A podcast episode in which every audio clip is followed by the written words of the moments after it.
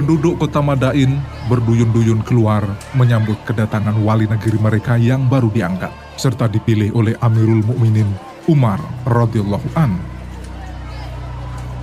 Warga Madain rindu bertemu dengan salah satu sahabat Nabi yang telah banyak mereka dengar mengenai kesalehan dan ketakwaannya. Begitu pula dengan jasanya dalam membebaskan Irak. Tiba-tiba muncullah di hadapan mereka seorang laki-laki dengan wajah berseri-seri. Ia mengendarai seekor keledai, kakinya teruntai ke bawah, dan kedua tangannya memegang roti serta garam. Sementara mulutnya sedang mengunyah. Ia adalah Hudaifah Ibnul Yaman. Penduduk Madain bingung dan hampir tak percaya. Mereka bertanya-tanya, corak kepemimpinan seperti apa yang akan dijalankan orang pilihan Umar?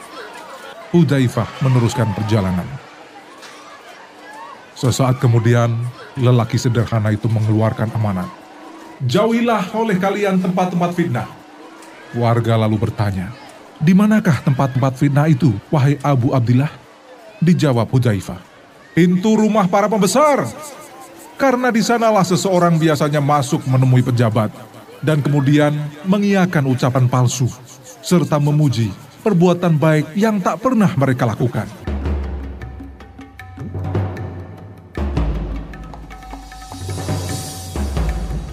Hudaifah Ibnul Zaman memasuki arena kehidupan ini dengan bekal tabiat istimewa.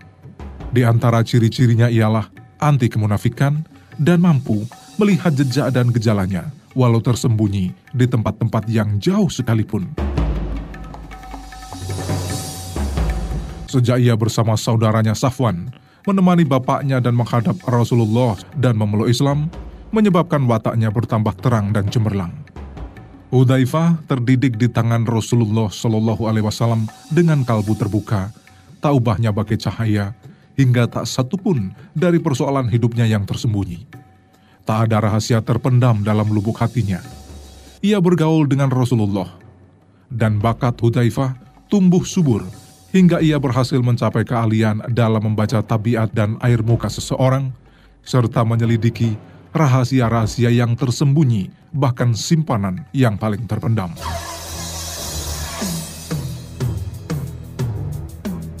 Demikianlah Hudaifah radhiyallahu an terus-menerus mempelajari tabiat orang jahat dan orang-orang munafik.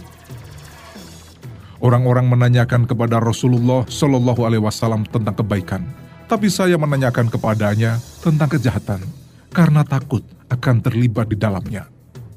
Aku pernah pula bertanya, "Wahai Rasulullah, dulu kita berada dalam masa jahiliyah dan diliputi kejahatan. Lalu Allah Subhanahu wa taala mendatangkan kepada kita kebaikan ini. Apakah di balik kebaikan ini ada kejahatan?" Ada, begitu jawab Rasulullah. Huzaifah kemudian bertanya kembali, apakah setelah kejahatan masih ada kebaikan? Lalu Rasulullah menjawab, ada, tapi kabur dan bahaya, yaitu segolongan umat yang mengikuti sunnah bukan sunnahku, dan mengikuti petunjuk bukan petunjukku. Udaifah, kenalilah mereka olehmu, dan laranglah.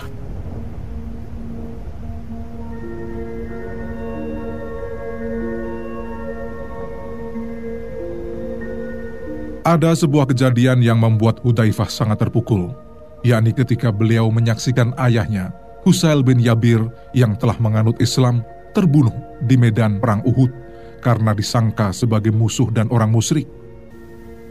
Hudaifah melihat dari jauh pedang sedang dihujamkan kepada ayahnya. Ia berteriak, Ayahku! Ayahku! Jangan! Jangan! Iya ayahku!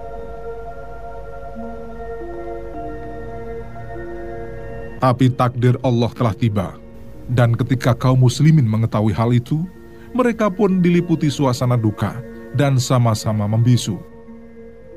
Semua memandangi jenazah ayah Hujaifah dengan sikap kasih sayang dan penuh pengampunan. Dan ketika berita itu sampai ke telinga Rasulullah Shallallahu Alaihi Wasallam, maka disuruhnya membayar diat atas terbunuhnya ayahanda Huzaifah. Ternyata ditolak oleh Hujaifah dan diminta membagikannya kepada kaum muslimin. Hal itu menambah sayang dan tingginya penilaian Rasulullah terhadap Hujaifah.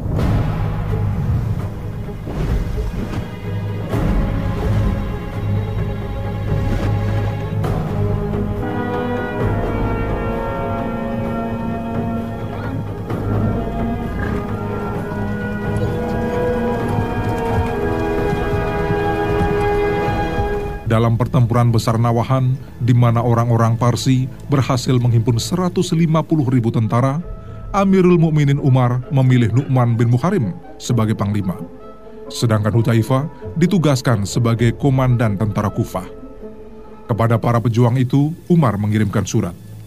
Panglima besar perang ini adalah Nu'man bin Muharim. Seandainya Nu'man tewas, maka panji komando hendaklah dipegang Hujaifah. Dan kalau ia tewas, maka Jarir bin Abdillah yang memimpin.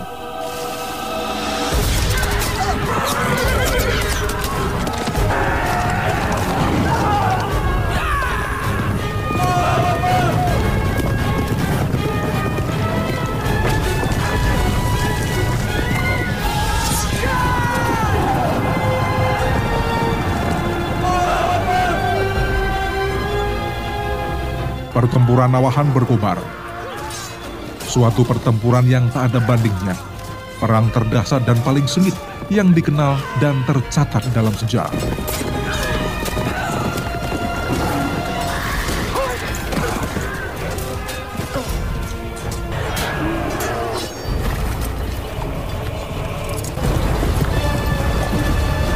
Panglima besar Nu'man bin Muharim gugur sebagai sahid.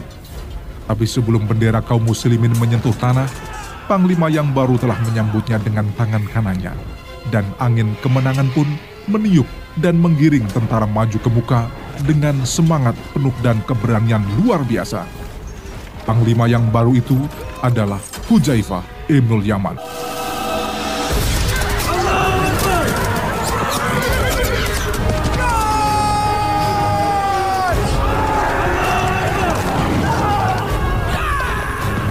Peperangan terus berlangsung, dan kaum muslimin menerjang musuh bagai angin puting beliung sambil berseru. Allahu Akbar! Allahu Akbar! Hai umat Muhammad, pintu-pintu surga telah terbuka lebar, siap menyambut kedatangan tuan-tuan. Jangan biarkan yang menunggu lebih lama. Ayolah, wahai pahlawan-pahlawan Badar, majulah pejuang-pejuang Uhud, Kandak dan Tabuk.